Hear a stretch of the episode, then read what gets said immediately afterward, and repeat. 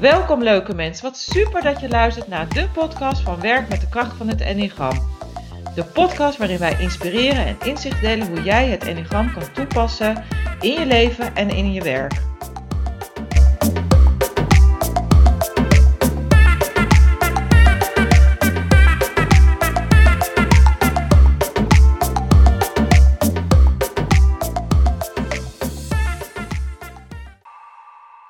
Luisteraars, leuk dat jullie weer zijn bij een nieuwe aflevering. En de eerste in onze serie ja, over durf jij, maar dan gaat de type zelf aan het woord. Wat dat betekent uh, voor hun. Ja, tenslotte kennen de mensen zichzelf testen, toch? Deze aflevering starten we met uh, de type 9. En uh, daarvoor heeft Charlotte... Iemand uitgenodigd, ja. Bij ons vandaag is Yvette Britta Silva. Ik denk heel goed, uh, Yvette, als jij jezelf heel even kort voorstelt. En dan gaan we daarna nog veel dieper duiken in uh, de wereld van Yvette. dus, uh, ja, helemaal goed. Nou, mijn naam is Yvette Brito Silva. ik zeg het met nadruk Yvette, want meestal zeggen Nederlanders het op zijn Frans, Yvette. Ik ben van oorsprong komen mijn ouders uit Café de Eilanden. En daar hebben we Portugees als voertaal en is de W, dus Yvette Brit Silva net als de meeste mensen, ook net als jullie, heb ik eh, diverse rollen in het leven. Nou, ik ben vrouw, ik ben moeder, echtgenote, vriendin, werknemer en ook onderneemster als eh, liefdes- en relatietherapeut. En qua karakter omschrijf ik mezelf altijd als een levensgenieter met een positieve inborst. En ik heb een passie voor de liefde en de liefdesrelatie. Net uh, in een nutshell, uh, Yvette. Nou, dankjewel. Het is echt in een nutshell, dus uh, dank je. Maar we gaan nog veel verder uh, kennis maken. Dus mm -hmm. we willen natuurlijk eerst even weten, want je werkt ook met het enneagram, hè? of in ieder geval uh, geheel of zijdelings in ieder geval. Misschien gewoon voor de luisteraars kort wat jouw kennismaking was met het enneagram en hoe jij ontdekt hebt wat, wat jouw type was en, en wat daarin, nou, ik noem het dan maar aha-momentje of dacht van, oh jee, ja, dat klopt echt. Hè, dus ja. zoiets. En ja, misschien even voor de luisteraars, hè, Yvette. Mm -hmm. Voor de luisteraars ook omdat we een reeks gaan maken hiervan. Ook interessant om te luisteren, niet alleen maar naar de inhoud van wat je zegt, maar ook naar jouw toon en uh, je woorden. Omdat elk type brengt zijn eigen energie mee. Dus dat vinden we altijd heel mooi om te zien hoe dat verschilt uh, per persoon. Laat jij je daardoor niet weerhouden, maar is een oproep aan de luisteraars. Ja, ik ben benieuwd wat ze dan gaan herkennen. Ja. Nou ja, hoe ik het uh, enneagram heb leren kennen. Ik werkte toen uh, uh, in, bij de gemeente Amsterdam als coach. Volgens mij was ik al een jaartje bezig of zo. had heel veel mooie trajecten en ik ging op zoek naar een model, naar een instrument om mij te helpen mijn coachtraject te verdiepen, een goede intake te doen. Dus um, heb ik uh, internet, onze goede vriend Google uh, opgezocht en onderzoek gedaan. En toen kwam steeds bij mij Enneagram naar boven. En ik kende het niet, ik had nog nooit van gehoord. En daar ben ik verder in gaan zoeken. En zo kwam ik op het pad van Enneagram Nederland van Jeannette van Stijn. Wat mij aansprak was namelijk uh, de school vanuit uh, de theorie, vanuit de levende verhalen, de verhalen van de mensen, waar je net zei. Mm -hmm. Dus ik heb contact opgenomen. Ik mocht een opleiding gaan doen voor mijn deskundigheidsbevordering. En wat grappig was, ik uh, kreeg een testje die ik dan vooraf kon maken om een keuze te maken, om te komen tot je type. En er bleven volgens mij vier types over. En ik had zoiets, nou, dat is toch wel gek. Waarom zoveel? Ik had gedacht, na een testje weet ik het, hè, welk type ik heb. Dus ik ging naar het type interview met uh, Jeannette. En uh, nou, bij de kennismaking, op een gegeven moment zei ze, waren we verder in het gesprek. En toen zei ze, nou, ik denk um, dat ik wel weet waarom jij zoveel types overhoudt. Maar dat zie je, zal je aan het eind van het gesprek waarschijnlijk gaan snappen. Nou, ik natuurlijk nieuwsgierig. En toen we uiteindelijk kwamen tot het onderzoek van type 9. En ze vertelde van, ja, dat zijn de types die uh, uh, vaak zich herkennen in de, heel veel andere types, omdat ze zich zo aanpassen, versmelten met anderen. Toen had ze iets, oh wauw, dat is dus niet zo gek, de uitkomst van de test. en ik ontdekte ook in dat gesprek dat wat ik mijn hele leven al aan het doen was, proberen harmonie en liefde en verbinding te krijgen, dat ik dat soms kreeg, maar soms kreeg ik ook heel veel conflicten. En terwijl ik dat juist helemaal niet wil. En ik ontdekte dus dat dat wat de reden was, mijn mechanisme vanuit mijn type. En uh, dat ik altijd eigenlijk in conflict was. Als ik het niet was in conflict met een ander, dan was ik wel in conflict met mezelf, omdat ik mezelf dan voor de kop gaf van, ja, nou heb je weer gedaan wat je niet wilde doen. Nou heb je weer gezegd wat je niet wilde zeggen. Dus die twee dingen, die elementen zijn me echt heel erg bijgebleven bij uh, Dus vooral de, vooral de, de versmelting en de harmonie uh, zoeken eigenlijk. Ja. Kun je eens gewoon een voorbeeld geven in je dagelijks leven waarin je, dat, waarin je jezelf betrapt op uh, de harmonie zoeken, bijvoorbeeld? Nou, ja, tuurlijk. Ik had gisteren nog een gesprek met een, uh, met een jongeman over een uh, onderzoek naar, hoe was het ook alweer? Een TMA-onderzoek in het werk. En ik had de, het rapport gelezen en ik denk, nou, ik zie heel veel aanknopingspunten van een type 9. Dus daar gaat bij mij al iets aan, hè, van, oh, maar dan moet ik dus rekening mee houden. Uh, hoe ik daarin zit in het gesprek, hoe ik het start, hoe ik hem op het gemak stel. En ik was eigenlijk al voorbereid op aansluiten bij hem. Um, en hij kwam binnen, we hadden het eerste moment en ik voelde dat ik te snel ging. Ik zat in mijn drie. Ik dacht van, nou kom op, hey, we hebben een uurtje de tijd, dus we gaan dit, doen. En ik zag hem zo'n beetje schrikken van, oh, dit gaat me te snel.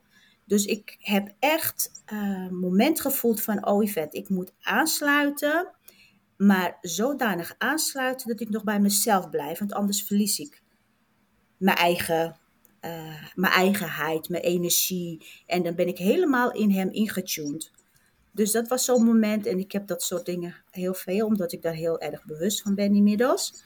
Maar dat is zo'n moment van, uh, oké, hoe ga ik ervoor zorgen dat ik mezelf ben, maar dat ik toch nog in verbinding met die ander blijf, zonder mezelf te verliezen. Ja, en in het verleden, toen je dit nog niet wist, dan zou je misschien jezelf verloren hebben, of dan zou je meegegaan zijn met hem? Ja, dan zou ik gewoon uh, op zijn energie, in zijn flow, in het gesprek eindeloos voeren, want hij is ook van de langdraden. Dan zou ik die zakelijkheid, wat ik dan nodig heb om een bepaald doel te bereiken, Mhm. Dat zou ik, duurt dan veel langer om daarbij te komen en duurt ook veel langer om mezelf weer te zijn. Want ik ben mezelf dan, ik, het is alsof mijn lichaam wegvalt, uh, mijn gedachten, mijn gevoelens, die zijn niet meer van mij. Die zijn eigenlijk de ander. Ja, oké, okay, dat omschrijf je mooi. E-, even de theorie, denk ik, hè? Dus wat jij misschien ook hoort.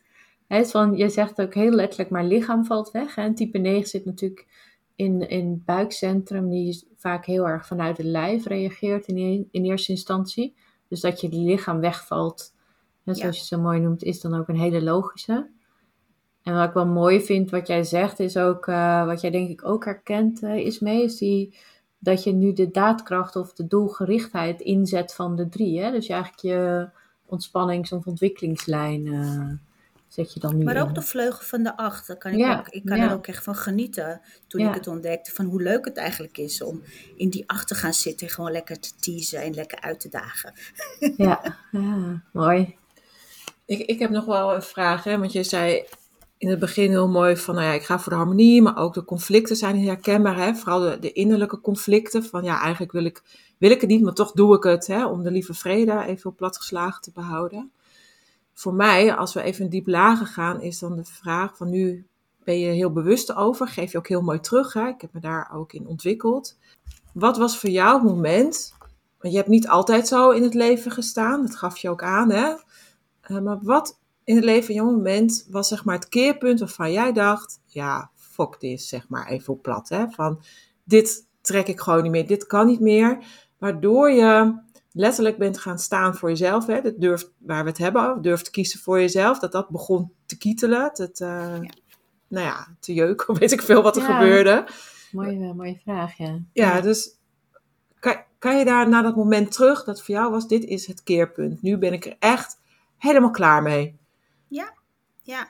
Ik weet zelfs twee momenten. Het was, een het was in mijn vorig, ik zeg dan nu in mijn vorig leven, in mijn vorige huwelijk, dat uh, ik, um, I was a mess, zeg maar, emotioneel. Door alle gedoe uit mijn leven en wat ik in mijn uh, rugzakje met me meedroeg. En ik stond op het punt om zelf in therapie te gaan.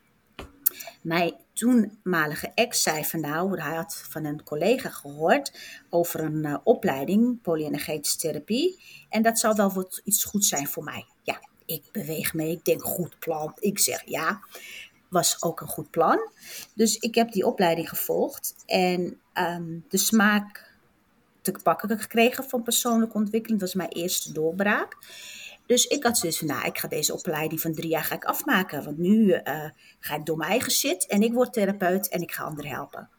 Blijkbaar dacht hij er anders over. Hij dacht, ah, ze doet een jaartje en dan is ze opgelost klaar. En dan uh, hebben we weer de tijd van uh, terug. Hè, want het kost heel veel tijd en energie voor een gezin. En, um, en toen had ik dus echt niet. Voor het eerst dacht ik, ja, ja dit is iets wat ik gewoon mee door wil gaan. Dit doet mij goed. Ik voel veranderingen. Ik snap niet dat jij zegt dat, je dat ik dezelfde ben. Er is niks veranderd. Ik denk, nou, dan ga jij dat nog meemaken, want ik voel wel een verandering. Dus dat was het moment ik dacht, nou, dit ga ik gewoon doen. Uh, hier ga ik voor, hier sta ik voor en uh, dit doe ik. En dat heb ik ook zo op mijn manier gezegd en uh, de opleiding afgerond. Dat was een moment. En het tweede moment was toen ik mijn persoonlijke ontwikkeling verder ging, patronen ontdekte, ontdekte dat bepaalde dingen in mijn leven niet waren zoals ik wilde en ik iets anders wilde in mijn leven voor mezelf. En um, besloot uh, van dit huwelijk past niet meer bij mij. Hier ga ik niet uh, oud worden en gelukkig en gezond. En de paniek insloeg van ja, maar wat dan? Hoe dan? Ik kan het niet uh, alleen als moeder, alleenstaande moeder werken uh, familie, vrienden teleurstellen die dit als een bom gaan uh, zien van ja, niemand wist dat ik problemen had. lieve vrede, dat hmm. hou je ook naar buiten toe. We zijn gelukkig. Ja. Um, en hoe ga ik dit nou doen? Maar ik wist wel, dit is weer een moment erop of eronder. Ik kies voor mezelf of ik hou mijn kop dicht en ik, doe, ik zeg er niks meer over en ik word oud en grijs op deze manier.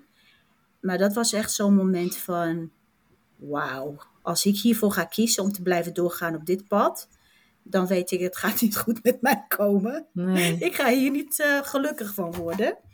Dus dat was een heel cruciaal moment. Ik weet hem nog, omdat ik echt, ik kan nog precies zien waar ik stond in huis. Ja. Um, uh, welke gevoelens ik had, welk nou, alles. Ik kan die hele scène als een film. Wat, wat, wat was dan, want je zegt ik kan het precies voelen. Kun je eens, kun je eens voor, voor ons en ook voor luisteraars vertellen van wat gebeurde er in je lijf of in je hart? Wat, wat, wat voel je toen? Ja, ik voel het altijd in mijn buik. Dat is heel gek en dat heb ik geleerd. Nu dat je me dat vraagt, is het eerste ding, waar voel ik? Het, het is echt spanning in mijn buik. Ja. Het is alsof daar iets is van, um, ik omschrijf het als, als je wil, als ik nu, ik zit nu op een stoel, als ik wil opstaan, welke spieren span ik aan? En bij mij voel ik gelijk is mijn buik. En dan pas komt het besef van, oké, wacht even, maar er zitten uh, ook emoties, er is verdriet, er is uh, paniek, er is, dan pas komen de emoties bij mij. En, en wat deed je hoofd op dat moment? Ja, de hoofd was in paniek. Vandaar, ja. dit kan ik niet. Uh, hoe ga ik dit zeggen? Hoe ga ik dit overleven? Uh, hoe ga ik uh, dit uitleggen? Want ik snap het ja. zelf ook niet. Dat zijn echt de hoofddingen. Al die vragen over hoe en wat dan en waarom. En, en dat je wil verklaren of wil begrijpen. Of dat zijn allemaal dingen die in je hoofd spelen. Die je op dat moment natuurlijk helemaal niet helpen voor de praktische dingen uiteindelijk, maar ja. niet... Uh, en het hart is ook verdeeld, want er is echt een tweestrijd van... hé, hey, ik wil voor mezelf kiezen, omdat het voelde dat het juiste is voor mij. Maar ik weet dat ik een beerput ga... De doos van Pandora gaat open. Hoe ga ik daarmee om? Ja. Nou, wat, wat ik wel heel mooi vind aan dit uh, voorbeeld, dankjewel hoor dat je daar zo open in bent. Want ik denk dat mm -hmm. dit een heel mooi voorbeeld is hoe het voor de negen uh, algemeen gaat als er zeg maar een stressmoment is. Hè, dat je geen concessies meer gaat doen in je leven, dat je daar een beslissing in maakt, wat het ook mag zijn. Dus dat je ook zei van ja, ik, ik registreer ook echt in mijn buik dan ook uh, informatie hè, die binnenkomt. Er komt iets, sensatie. En dat is natuurlijk ook wat bij de negen als, als uh, gemiddeld zijn, mm. uh, juist niet meer registreren. En dat is juist het centra waar ze wel in zitten. Dat is juist waar die, die kracht, hè, die, die, die, die mm. woede, wat we altijd zeggen, daar zit die lijfforce ook om die in te gaan zetten voor wat wat je wilt gaan doen. Dus dat moment brak open dat je kon registreren. Oh, maar wacht eens even. Daar zit mijn power, daar zit mijn kracht om de volgende stap, keuze uh, te gaan doen. En dat zette je hartcentrum, noem maar even, je emoties open, die doos van Pandora. En je hoofd die dacht van, oh my god, nou gaan we met z'n drieën in beweging en komen in actie. dus mooi, mooi dat je het zo... Ja, en die eh, aanloop, en het is ook nog de aanloop ernaartoe, het registreren, doorhebben, hoe vaak, hoe lang je al aan het negeren bent geweest. En denk, ah, valt wat mee. Ah, heel lang, hè? Uit. Dat kan heel lang zijn. Ja, dus in de theorie hoor je mensen wel zeggen over, dat zien mensen nu niet, maar dat, ze, dat voor negens heel vaak is van hoe lang je het hebt genegeerd, is eigenlijk een soort van veer die heel langzaam ingedrukt wordt en ingedrukt wordt. En soms moet dan een negen eerst even heel boos worden en krachtig en van nou, dit ga ik dus niet meer doen. ik zie bij jou ook van die ogen gaan zo, van uh, dit ga ik niet meer doen. En dan die kracht kunnen vinden vanuit je buik en dat kunnen integreren. Dat is echt heel mooi zoals je het hier omschrijft. Wel interessant ook, hè, Yvette, is van mhm. hoe je buitenwereld daarop reageert. Hè? Want hè, we, we, hebben ook heel veel mensen die luisteren, die hebben geliefden die negens zijn. Hè? Dus uh, mensen die zij, uh, waar ze van houden, die negens zijn. En wat ik uit ervaring wel weet van, uh, van andere mensen die ik ken die negen zijn, of partner van negen, een negen partner hebben, is dat partners ook enorm verrast kunnen zijn, omdat de negen het eigenlijk nooit verteld heeft wat er in de binnenwereld aan twijfels en aan, aan zorgen en aan negeren en aan. Deels wist het zelf niet, maar deels uh, laat je het ook gewoon niet zien. dus uh, dat het soms als een bom inslaat of een totale verrassing is. Was dat voor jouw omgeving ook zo? Ja, zeker. Oh, hoe zou ik dit uitleggen?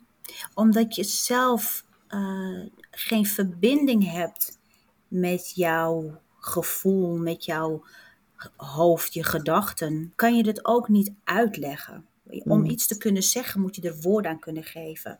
En om er woord aan te kunnen geven, moet je het kunnen voelen. En als je het niet voelt, dan staat het gewoon heel ver van je af. Dus je hebt echt te leren om die stappen te zetten.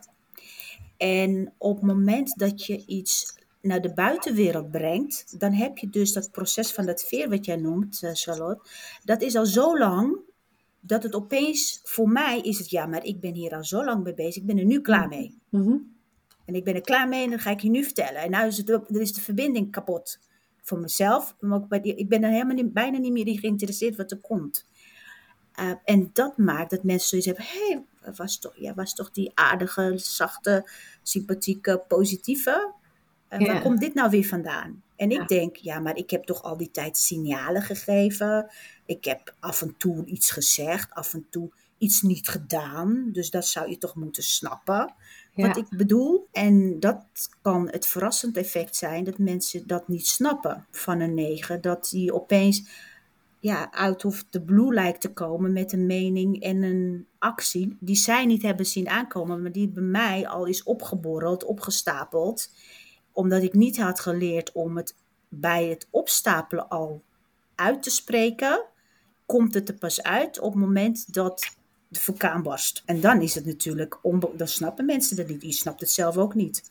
Van waar komt deze woede nou vandaan? Dat is toch wat ik probeer tegen te houden? Dat wil ik toch helemaal niet? Maar het is er nu wel. Ja, dat geeft je dus ook wat Ismee net zei, ook de kracht om dat dan wel echt te gaan staan voor wat je wil, hè, uiteindelijk.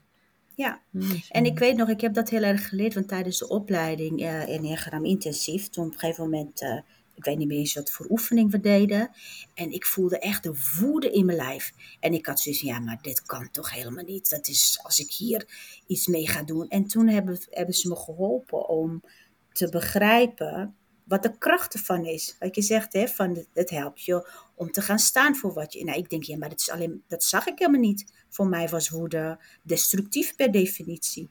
Was per definitie iets waar je niet naartoe gaat. Ja. Want dat kan alleen maar stuk maken. En toen het ging herkaderd worden van, hé, maar er zit ook een positieve kant aan. Want als je het voelt en je gaat ervoor, dan kun je begrenzen. En dan kun je ook uh, richting geven aan wat jij wil oh, dat was echt een wereld die voor mij open ging. Ja. Als negen. Nu je het zo mooi hebt gedeeld, hè, van oké, dat, dat huwelijk was voor jou de trigger om het roer echt om te gooien. Hè, en dat je dan ook je, volgens mij in je woonkamer staat en in één keer komt alles, hè, komt, komt vrij. En dat, dat zet je in de actie. Ik noem het altijd de beweging. Dus als Charlotte, ja, is mij, dat is de actie voor de negen. Ik zeg ja, dat is ook zo. dan ga je daarin groeien. Je doet je werk. Hè. Je, je zet stapjes. Je doet een opleiding. Je doet een cursus. Je, je, leest boeken. En dan ga je steeds jezelf meer. Ik noem dat het. Je leert jezelf weer ontmoeten. En dat is een pad. En dat, dat is een ongoing process. Dat weten luisteraars waarschijnlijk ook. Dat stopt ook nooit meer. Als ik dat heb. Want voor mijn beeldvorming. Hè, als een negen je staat daar. En je komt in beweging. Wat, wat is zou. Ik weet niet of je dat kan beantwoorden. Maar wat is voor de negen nou het meest moeilijke om in die actie echt te komen? Welke uh, durf is er dan nodig? Ja, wat voor lef heb je nodig om dat stapje, hè, voor, de, voor de acht is zeg maar, want ik ben type 8, is het uh, oefenen met compassievolle zijn voor mezelf, met het hartcentrum. En ook die kwetsbaarheid daarmee oefenen, hoe klein of groot dat is. Al is het even huilen voor uh, bij een een film wat heel verdrietig is. Of hè, dat ik meteen stoot, dat ik ook de tranen kan laten stromen in plaats van en door. Wat, wat is dat voor de negen? Ja, uh, dat is een hele mooie vraag. En nu zit ik echt dat ik ga brabbelen. Denk ik, wat is het nou? Hè? Dit, dan is, is gebeurt het hè? in het hier en nu. Omdat ik ga zoeken, wat is het? Het is voor mij de lef hebben, inzien, snappen. Dat verbinding is voor mij het kernwoord. Hmm. Ik kan niet in verbinding zijn met een ander. Ik kan niet in het hier en nu zijn als ik niet in verbinding ben met mezelf. Als ik namelijk in verbinding ben met mezelf en mezelf voel en bewust ben van mijn gedachten, mijn gevoelens en wat ik wil, dan pas kan ik op een gezonde manier verbinding met die ander aangaan. Dan doe ik het vanuit een bewuste positie. Want anders ga ik in verbinding, maar dan heb ik vanuit jou, vanuit die ander omdat ik me dan in die versmelting zit. Dan ben ik niet meer bij mij. Dus het vraagt heel, en dat is mijn dus ik denk, als ik kijk naar mijn pad, van alle stapjes die ik heb gezet. Eh, ik heb altijd iets gehad met het woord verbinding en ik snapte het nooit. En hmm. nu snap ik het. Ik denk van ja, ik, ik wil de hele tijd verbinding met een ander en met de wereld. Maar ik kan het niet als ik die verbinding niet met mezelf niet eerst voel.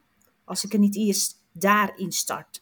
Ja, en wat heb je nodig gehad om die verbinding met jezelf te creëren? Want die is er eigenlijk natuurlijk altijd al. Alleen hoe heb je hem weer ontdekt voor jezelf, om het maar zo te zeggen? Snappen dat het er altijd al is. Ja. Snappen dat uh, als ik die verbinding met die ander niet krijg, dat de wereld niet vergaat. Hè, mhm. als die relatie op uh, spanning, onder spanning komt of niet fijn is, dat het helemaal niet zo erg is. Ja. Um, en hoe belangrijk en hoe leuk het vooral ook is om die verbinding met mezelf en mezelf te zijn. Hoeveel respect respect je krijgt van anderen. Mm. hey, we weten opeens wat je denkt, wat je voelt, wat je wil. Denk ik, ja, maar dat, is dat nou zo belangrijk? Is dat zo interessant? Ja, voor sommige mensen is dat makkelijker. Dus het lef hebben om te gaan staan voor jezelf, ongeacht de gevolgen die gaan komen. Dus dat, dat is dus dan een pad. Ja, dus wat ik een beetje beluister ook, en dan luister ik natuurlijk ook als hoofdtype ook een beetje, maar dan wat ik, wat ik beluister ook, is dat je soms uh, heb je jezelf ook vaardig moeten maken in van, ik heb het moeten snappen eerst en ik heb het moeten ervaren eerst. En, en toen kon ik er langzaam een beetje in gaan geloven, omdat het misschien ook wel echt behulpzaam is om meer zichtbaar te zijn en mezelf meer te zijn. Hè? Dus, uh, en daarmee dus die verbinding naar mezelf te hebben. Dus, uh... Ja, voor mij als type 9 is het, ik zie het zo, um, als iets heel dicht bij je staat, hè, dan heb je niet door dat er meer is. Mm-hmm. ik, uh, ik wist al die dingen die ik nu heb geleerd, ik wist bijna niet dat het bestond. Nee. Als ik de he mijn hele leven in een hutje heb gewoond en je komt me nu vertellen, hè, we hebben internet, we hebben werelddingen. Oh, is dat er allemaal?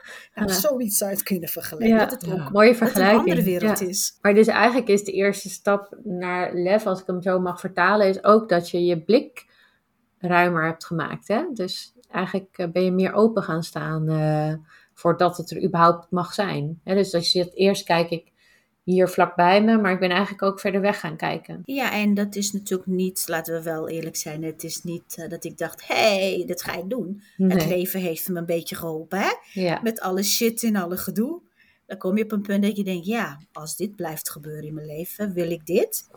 Nee, en als ik het niet wil, wat dan? Wat heb ik dan nodig? En uh, ja. hoe en welke dingen ga ik uh, ja, die wereld buiten verkennen? Ja, mooi. Want dan is mijn volgende vraag eigenlijk erop. Want nou hebben we het een beetje over gehad. Hè, van wat, wat was de trigger om het anders te gaan doen? Uh, de spanningen die daarbij horen. En ik weet uit ervaring een aantal jaar al ook dat van mensen ook terugkrijgen van ja, echt te gaan staan voor je en ook een keuze te maken om in een bepaalde actie te komen en ook je te houden is het meest spannende wat er bestaat. Uh, daar blijven mensen ook een beetje in zo'n limbo, hè, in, in, in, een loop zitten. Nou heeft een 9 natuurlijk ook hele prachtige kwaliteiten, want we hebben allemaal natuurlijk een, een 9 in ons. Maar jij herkent je echt in dat mechanisme of kopingsmechanisme. Wat heb jij kunnen gebruiken van de leuke dingen van de negen? Ik zeg even de leuk. de kwaliteiten van de negen. Om je ook in die beweging te zetten en te houden. Uh, hoe heb je dat gebruikt of ingezet of erachter gekomen? Soms weet je het niet, hè, dat je die talent of kwaliteiten allemaal in je hebt. Ik heb dat gedaan door mijn uh, natuurlijke nieuwsgierigheid naar een ander. Uh, ingezet om te gaan onderzoeken wat zijn de kwaliteiten van die andere uh, wat gebeurt er ik in relatie met die ander? Wanneer versmelt ik en word ik getriggerd? Uh, wat zijn die kwaliteiten en hoe kan ik die kwaliteiten die die ander hebben? Ik ben dus eerst begonnen met type 8. Want die waren dichtst bij mij. Dat was mijn ex en mijn huidige man. Gelukkig is die uh, veel zelfbewuster en is dat op een gezonde manier. Ik ben gaan echt onderzoeken. Ik heb er gewoon experiment van gemaakt. Ik ga nu type 8 onderzoeken. Wat zeggen ze? Wat doen ze? Hoe denken ze? Ze interviewen, gedrag uh, analyseren. Ja, want ik ben een analist van de mens. Ik wil mensen begrijpen. Dus dat ben ik gaan inzetten. En vervolgens ook gaan oefenen. En om je een voorbeeld te geven, ik kreeg een anekdote toen ik zat in die type 8 uh, periode. Um, ik dacht, nou, ik uh, ga nu duidelijk helder uh, communiceren. Ik ga vertellen wat ik wil. En zonder die glimlach op mijn gezicht. Want dat deed ik dan, hè. Als ik al iets zei, dan was het een beetje... Uh, zou je misschien dat zoveel willen doen? Met een glimlach of... En dus ik dacht, op het werkmoment komt op een gegeven moment een collega naar me toe. Ik heb het volgens mij ook in mijn boek geschreven. Daar vertel ik je later over. Uh, die komt die zegt van, goh, ik heb je net geobserveerd, jij met die collega daar. Wat, wat kan jij schattig feedback geven? Ik zeg, wat nou schattig feedback geven. ik was toch hartstikke duidelijk. Ze zegt, ja, je deed het met zo'n glimlach. Toen dacht ik, oh, maar hoe zou jij dat dan hebben gedaan? Ze zei, ik zou zo ook dat en die woorden, in die strekking, die energie. Toen dacht ik, oh, maar dat is het verschil. Wat jij doet als acht en wat ik doe als negen. Ik haal gelijk die kracht weg.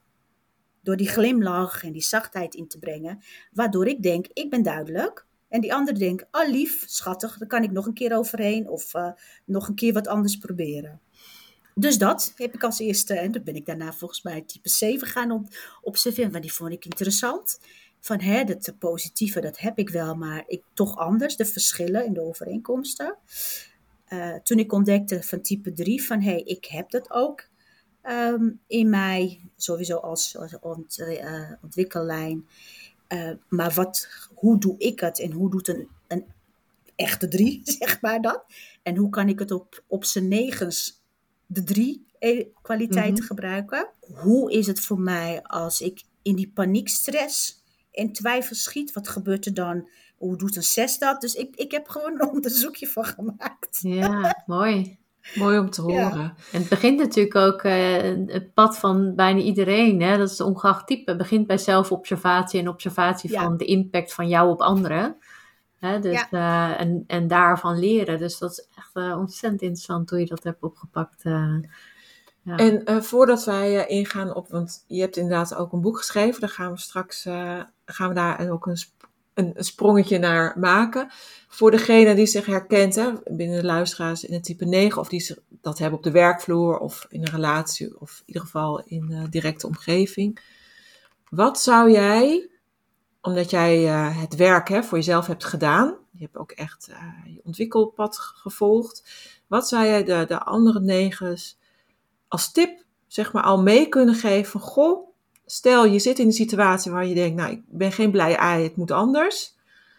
Uh, wat zou jij zo graag uh, door willen geven? Dat je zegt, nou dat vind ik zo belangrijk dat je dat in ieder geval al gaat doen. Of gaat, ja ik zeg altijd doen, maar ja. ja, is achter hè, ja. actie. Ik als negen zou uh, de starter zeggen, beseffen hoe veel leuker en waardevoller je leven wordt als je durft te stappen uit die onbewuste patronen van de negen. Als je ze durft, als je durft te accepteren dat je inderdaad die conflicten krijgt omdat je ze zelf een beetje in de hand werkt. Als je durft te accepteren dat uh, mensen niet snappen waar je voor staat omdat je het gewoon niet helder of duidelijk. Dus al die negatieve dingen waar je tegenaan loopt, dat je een groot aandeel daarin hebt. Daarvoor dat accepteren. En dat is pijnlijk. Want je denkt, mm. ah, ik ben toch positief en uh, de bemiddelaar. En ik uh, ga voor de lieve vrede. En laten we vooral kabbelend doorgaan. Hè? Dus dat is ook nog natuurlijk uh, iets, ja. Dus die acceptatie en het vooruitzicht van wat het je kan brengen. Mm. Als je dat pad gaat bewandelen. Je wordt gewoon een veel leuker mens. Veel, ik voel me veel vrijer, veel gezelliger, veel completer, omdat ik kan tappen uit die kwaliteiten die ver weggestopt waren bij mij als negen. Ja, en die je echt wel gewoon in je hebt. Ja, ja, en hoe leuk het is, die veelzijdigheid, in plaats van alleen maar hetzelfde herhalende patroon wat je altijd hebt gekend en mhm. wat je tot je beschikking hebt. Er is veel meer. Het is een waaier aan kleuren om uit te tappen dan die ene wat je altijd gebruikt. Ja, mooi. En misschien aanvullend erop, en ik weet niet of je dat herkent van vroeger, is wat ik veel negens ook uh, hoor zeggen en ook het verhaal hoor van hun, is dat het vaak begint met, maar dit wil ik niet. Ze weten vaak veel eerder wat ze niet willen dan wat ze wel willen. Dus begin gewoon bij, nou, dit wil ik in ieder geval niet meer. En ga dan onderzoeken van, maar wat dan wel. Dus uh, soms is dat een heel goed startpunt. Uh, ja. Ja, dat is inderdaad een hele grappig altijd. Als ik uh, iets nog steeds, als opeens een vraag me wordt overvallen, uh, of iemand uh, ik word ergens in een situatie en ik denk, is, ja, maar dit wil ik niet. Nee, oké, dit wil ik niet, maar wat wil ik wel? Ik moet mezelf in mijn hoofd zelf ook herhalen. Wat wil ik wel? Dan kan ik mijn lichaam weer voelen. Dan kan ik weer, alsof de wolken open gaan, ik de zon weer kan zien. En denk, oh ja, maar dit is wat ik wil. Dan wordt het helder. Ja, dus gun uh, mensen die geen negen zijn, maar een negen in de omgeving hebben, gun de negen ook de tijd om dat even te doen. Hè? Dus om te komen naar wat wil ik dan wel. Hè? Dus, ja, uh, ja, heel belangrijk. Want anders gaan ze meebewegen. Ja, ja. Je bent uiteindelijk tot een boek gekomen. Mm-hmm. Op, je pad van wat je wel wil. Hè? Op het pad wat je wel wil. Kan je kort vertellen van uh, hoe je kwam op het pad om een boek te schrijven, wat de aanleiding daartoe was en wat het boek zeg maar brengt? Ja, wat het jou heeft gebracht, maar wat het ander ook kan brengen. Ja, hè? Dus juist. aan beide kanten, denk ik. Ja. Ja. Ja, uh, de wens van het boek. Dat is ontstaan toen ik um, jaren geleden een eigen bedrijf had uh, in uh, relatietherapie. Toen ben ik door omstandigheden, de scheiding, verhuizing gestopt. corona kwam eraan, zich ehm, thuis. En ehm, ik was al ooit begonnen met het aantekeningen maken. En toen dacht ik, hé, hey, je hebt veel tijd, wat ga ik nu doen? En die wens van het boek schrijven kwam, uh, kwam weer terug. Um, omdat ik al meer dan een jaar, anderhalf jaar al was gestart met de structuur die natuurlijk nergens naartoe leidde, omdat het heel uitgebreid was, alle kanten. Hè? Echt een negen, ik kan geen keuzes maken, dus ik schrijf alles wat er in me opkomt. Toen dacht ik, ja, maar als ik wil dat dit project gaat slagen, dan heb ik hulp nodig. Want die structuur, ik verlies me erin. Ik weet niet wat ik moet schrijven, wat de kernboodschap is. Dus toen heb ik in overleg met mijn man gezegd van schat, ik wil dit doen. Ik weet niet hoe. En toen type 8, wat heb je nodig? Ik denk, nou hulp. Nou, van wie heb je het nodig? En uh, al die vragen. Dus ik ben het gaan onderzoeken. Toen heb ik een ghostwriter gevonden um, en ben ik gestart vanuit het idee, uh, het boek wat ik schrijf, de titel is Ken jezelf, begrijp de ander. Het geheim van een liefdevolle relatie, omdat ik er echt de visie heb dat alles begint met jezelfkennis. Want als ik weet wie ik ben, wat mijn triggers zijn, mijn kwaliteiten en valkuilen, dan weet ik ook wat er gebeurt in relatie tot die ander. Wat maakt dat jij en ik bepaalde dynamieken hebben. Uh, dus ik heb het omgedraaid. Waar ik vroeger altijd bezig was met die ander eerst begrijpen en vanuit die ander naar mezelf, heb ik dus geleerd dat het andersom is. En dat daar de kracht en uh, het succes zit van een fijn en liefdevolle leven en de relatie. Um, Dus het boek gaat over een deel uh, mijn, leven, mijn liefdesverhaal. Lees het verhaal in het pad van de negen. De keuzes en de verhalen en de obstakels die, daarin zijn, uh, die ik daarin heb ervaren. En uh, ik had inmiddels een uh, model ontwikkeld als relatietherapeut. En dat introduceer ik in het boek. Model van de relatiecyclus met negen fases. Het is grappig hoe de negen steeds weer terugkomt.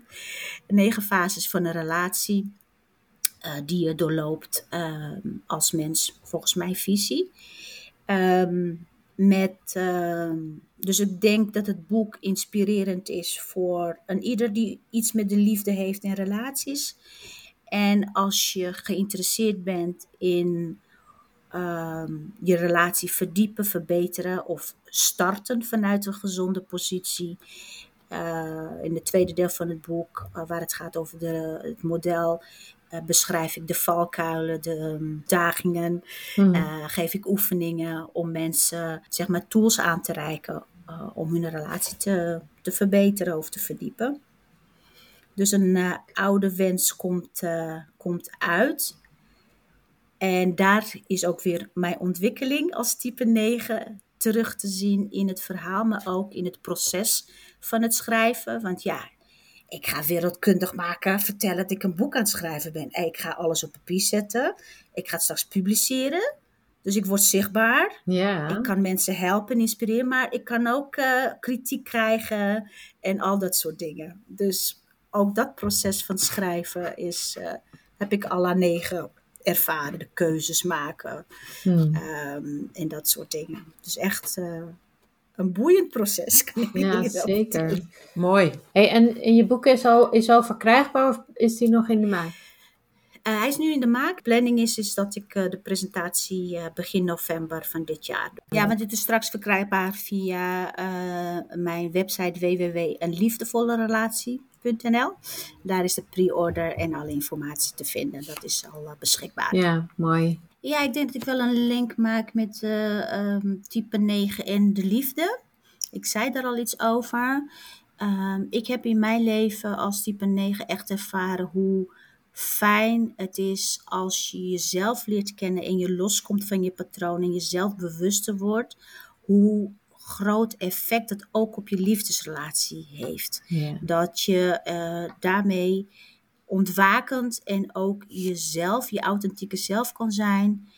En um, met die ander veel meer die verbinding kan aangaan vanuit een gezonde en leuke positie. In plaats van wat jij wil, schat. Ik weet niet.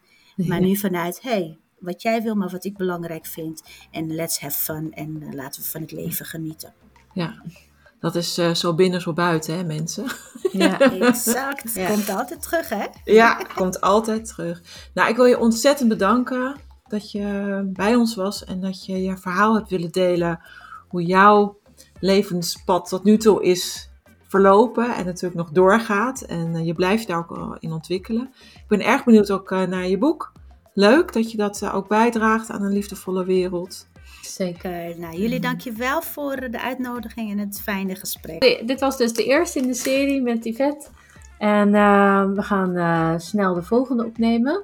Dus uh, laat even, ben je een type 9? Laat even weten op onze Instagram wat je ervan vindt. Wat herken je, wat herken je niet. Heb je een relatie met een type 9? Ook interessant om iets aan te weten. Dus nou, en we zijn natuurlijk benieuwd naar welk type zijn jullie hierna nieuwsgierig. Hè? Want ja. we kunnen het op volgorde doen.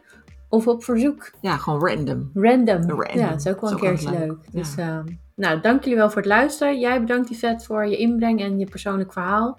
Heel fijn. En uh, tot ziens weer. Yes. Doeg. Doei.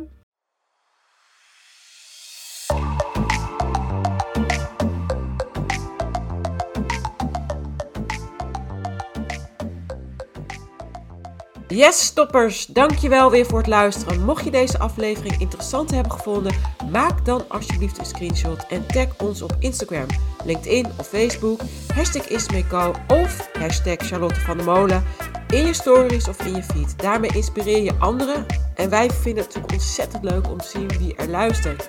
En uh, nog één dingetje, voor alle gratis content dat wij aanbieden, zou je alsjeblieft, alsjeblieft één dingetje terug willen doen? Ga naar Spotify of waar je ook luistert. Zoek ons op en volg onze podcast voor nieuwe afleveringen. Super dankjewel alvast en tot de volgende keer.